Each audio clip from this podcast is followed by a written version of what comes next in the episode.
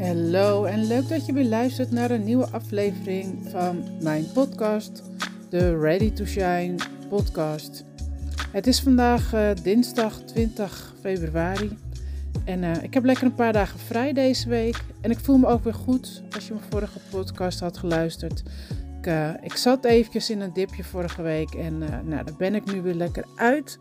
En ik had dus ook weer, ja, weer zin om een nieuwe podcastaflevering voor jullie op te nemen.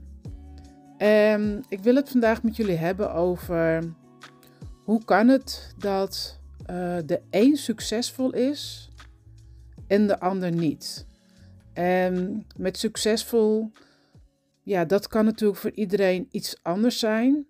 Maar bijvoorbeeld, hoe kan het dat er twee personen zijn met dezelfde opleiding, dezelfde skills, Um, dat er dan één wel succesvol wordt in datgene waar ze allebei van dromen, maar de ander niet. Terwijl ze wel allebei dezelfde vaardigheden hebben, dezelfde opleiding hebben gehad.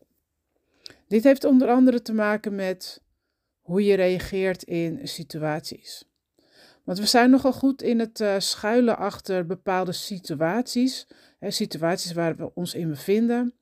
Maar het gaat vaak helemaal niet om, ja, om die omstandigheden en situaties. Het gaat erom hoe jij reageert in die omstandigheden. Dat maakt het verschil dat de een het wel behaalt of realiseert en de ander niet.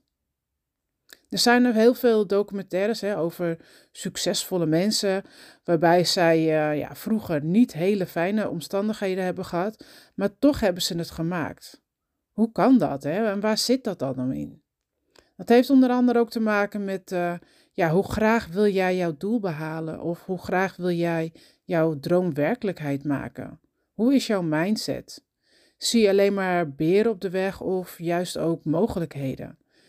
Uh, zie je bijvoorbeeld alleen maar beren op de weg, dan zal je de kansen die voorbij komen niet zien en dus ook niet kunnen pakken. En mensen die zeggen, ja, maar voor mij is het lastig, want mijn situatie is nu eenmaal zo en zo. Mm, ja, dat kan. En er zijn uiteraard situaties waardoor ja, dingen gewoon lastiger voor je zijn.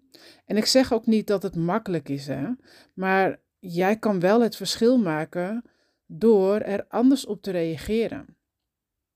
Je hoort ook vaak van die succesverhalen waarin iemand een, uh, een dieptepunt heeft bereikt in zijn leven of dat de omstandigheden in hun jeugd niet fijn waren, weinig mogelijkheden kregen vanuit huis of uh, was gewoon weinig financieel mogelijk. En juist dat was voor hun een reden om het anders te doen. Dat was hun drijf om te gaan knokken en ervoor te gaan. Dat, dat doel behalen, no matter what. Ze zijn dan helemaal unstoppable. Hè, ondanks de situatie waar ze in zaten. En ja, ik hou ook echt van dit soort uh, documentaires. Vind ik altijd heel erg inspirerend. Maar aan de andere kant heb je ook mensen die bijvoorbeeld in zo'n soort gelijke situatie zitten, um, maar die blijven daarin. Denk alleen maar in onmogelijkheden. En hierdoor ga je ook geen mogelijkheden zien. Je gaat niet denken, wat als ik het zo doe? Dat doen de mensen die er wel uitkomen. En dat is dus het verschil um, die het maakt. Niet de situatie, maar hoe je erop reageert. En ik zeg ook echt niet dat het makkelijk is. En vooral als je gewend bent om altijd op dezelfde manier te reageren. Uh, probleemdenken is soms ook iemand zijn comfortzone geworden. En als ik naar mezelf kijk, ik kon dat vroeger ook niet echt. Mijn man die had vroeger altijd vaak uh, spontane ideeën. En ik kon dan bijna altijd wel reageren met een ja maar. Ik kon heel snel een reden bedenken waarom het niet handig was of waarom het niet mogelijk is. En ja, dat zorgde er ook voor dat ik dus bleef zitten in de situatie waar ik in zit, zat. Ik had toen ook echt niet echt een, een doel. Ja, ik wilde gewoon moeder zijn en gewoon uh, verder leven. Maar nu, ja, nu heb ik geluisterd dus naar, ja, wat wil ik nou heel graag? Wat zijn mijn verlangens? Wat is mijn doel en waar droom ik van? En ben ik dus ook echt bezig om ja, mijn doelen te behalen, mijn dromen werkelijkheid te laten worden. En daardoor reageer ik nu ook anders op, uh, op situaties. En dat vond ik in het begin ook best wel lastig. Maar ja, het gaat mij nu eigenlijk ook heel goed af. Ik weet dat het niet aan de situatie ligt waar ik me in bevind, maar aan hoe ik erop reageer. Daar heb ik een keuze in. En jij ook. En soms moet ik ook echt eerst even, in plaats van heel snel te reageren, merk ik aan mezelf. Even stil, laat het heel eventjes bezinken. En denk goed na, want aan, ja, wat wil ik nu eigenlijk? Wat, waar wil ik uiteindelijk naartoe en wie wil ik ook zijn? En dan pas reageren op de situatie. Ik kan nog een voorbeeld geven met, uh, met bijvoorbeeld sporten. Sport is altijd heel erg makkelijk om als voorbeeld te nemen. Um, je hebt als doel om uh, drie keer in de week te gaan sporten. Maandag, woensdag en vrijdag. Je wilt gewoon echt weer fit voelen. Je wilt aan je gezondheid werken. Het is echt, uh, dat is jouw doel. En op een woensdag heb je een hele lange dag gehad op werk, veel gedoe en je voelt je eigenlijk gewoon heel erg moe. Dan kan je denken, nou, uh, ik vind het wel goed voor vandaag. Ik sla even over en je ploft in de avond op de bank en gaat lekker uh, zitten Netflixen. Of je denkt, nee, ik heb een commitment gemaakt. Ik wil heel graag dat doel, wil ik gewoon behalen. Ik wil werken aan mijn gezondheid en mijn fitheid. Ik ga gewoon. Ik weet dat ik ook mij daarna weer ja, goed ga voelen.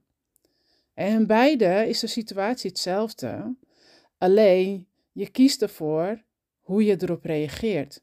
En dat is met elk doel of droom is dat zo. En wat heel belangrijk is, kijk eens goed naar ja, de keuzes die je maakt of die je kan maken in die bepaalde situaties. Hoe reageer jij? En vaak doen we het ook hè, onbewust, een oude patroon uh, die jouw reacties bepalen. Maar bedenk dan ook goed waarom je het ook alweer doet. Wat is het resultaat voor de lange termijn? En de korte termijn is vaak een reactie, hè, je oude gewoontes, door uh, de onmogelijkheden of meteen de ja-maars op te noemen. Maar um, dat is iets wat jou nu rust geeft voor de korte termijn dat is ook iets wat jouw brein gewend is op uh, een korte termijn, een bevredigend gevoel. Maar dat is niet wat jij nu wilt. Je hebt juist besloten dat je het anders wilt. En dat vraagt dus ook om een, uh, om een andere reactie. Dus denk goed na hoe jij op bepaalde situaties, omstandigheden reageert. Vaak is de reactie die jij geeft een oude patroon een oude patroon die jou tot nu toe niet verder heeft geholpen in, uh, in bepaalde situaties en in omstandigheden. Dus dat vraagt nu ook om een andere reactie. En sta er eens even bij stil. Of neem gewoon eerst even een pauze. Neem het even, ga er goed over nadenken voordat je überhaupt een reactie geeft. Ben benieuwd um, ja, hoe dat voor je uit zal pakken of dat je gaat helpen.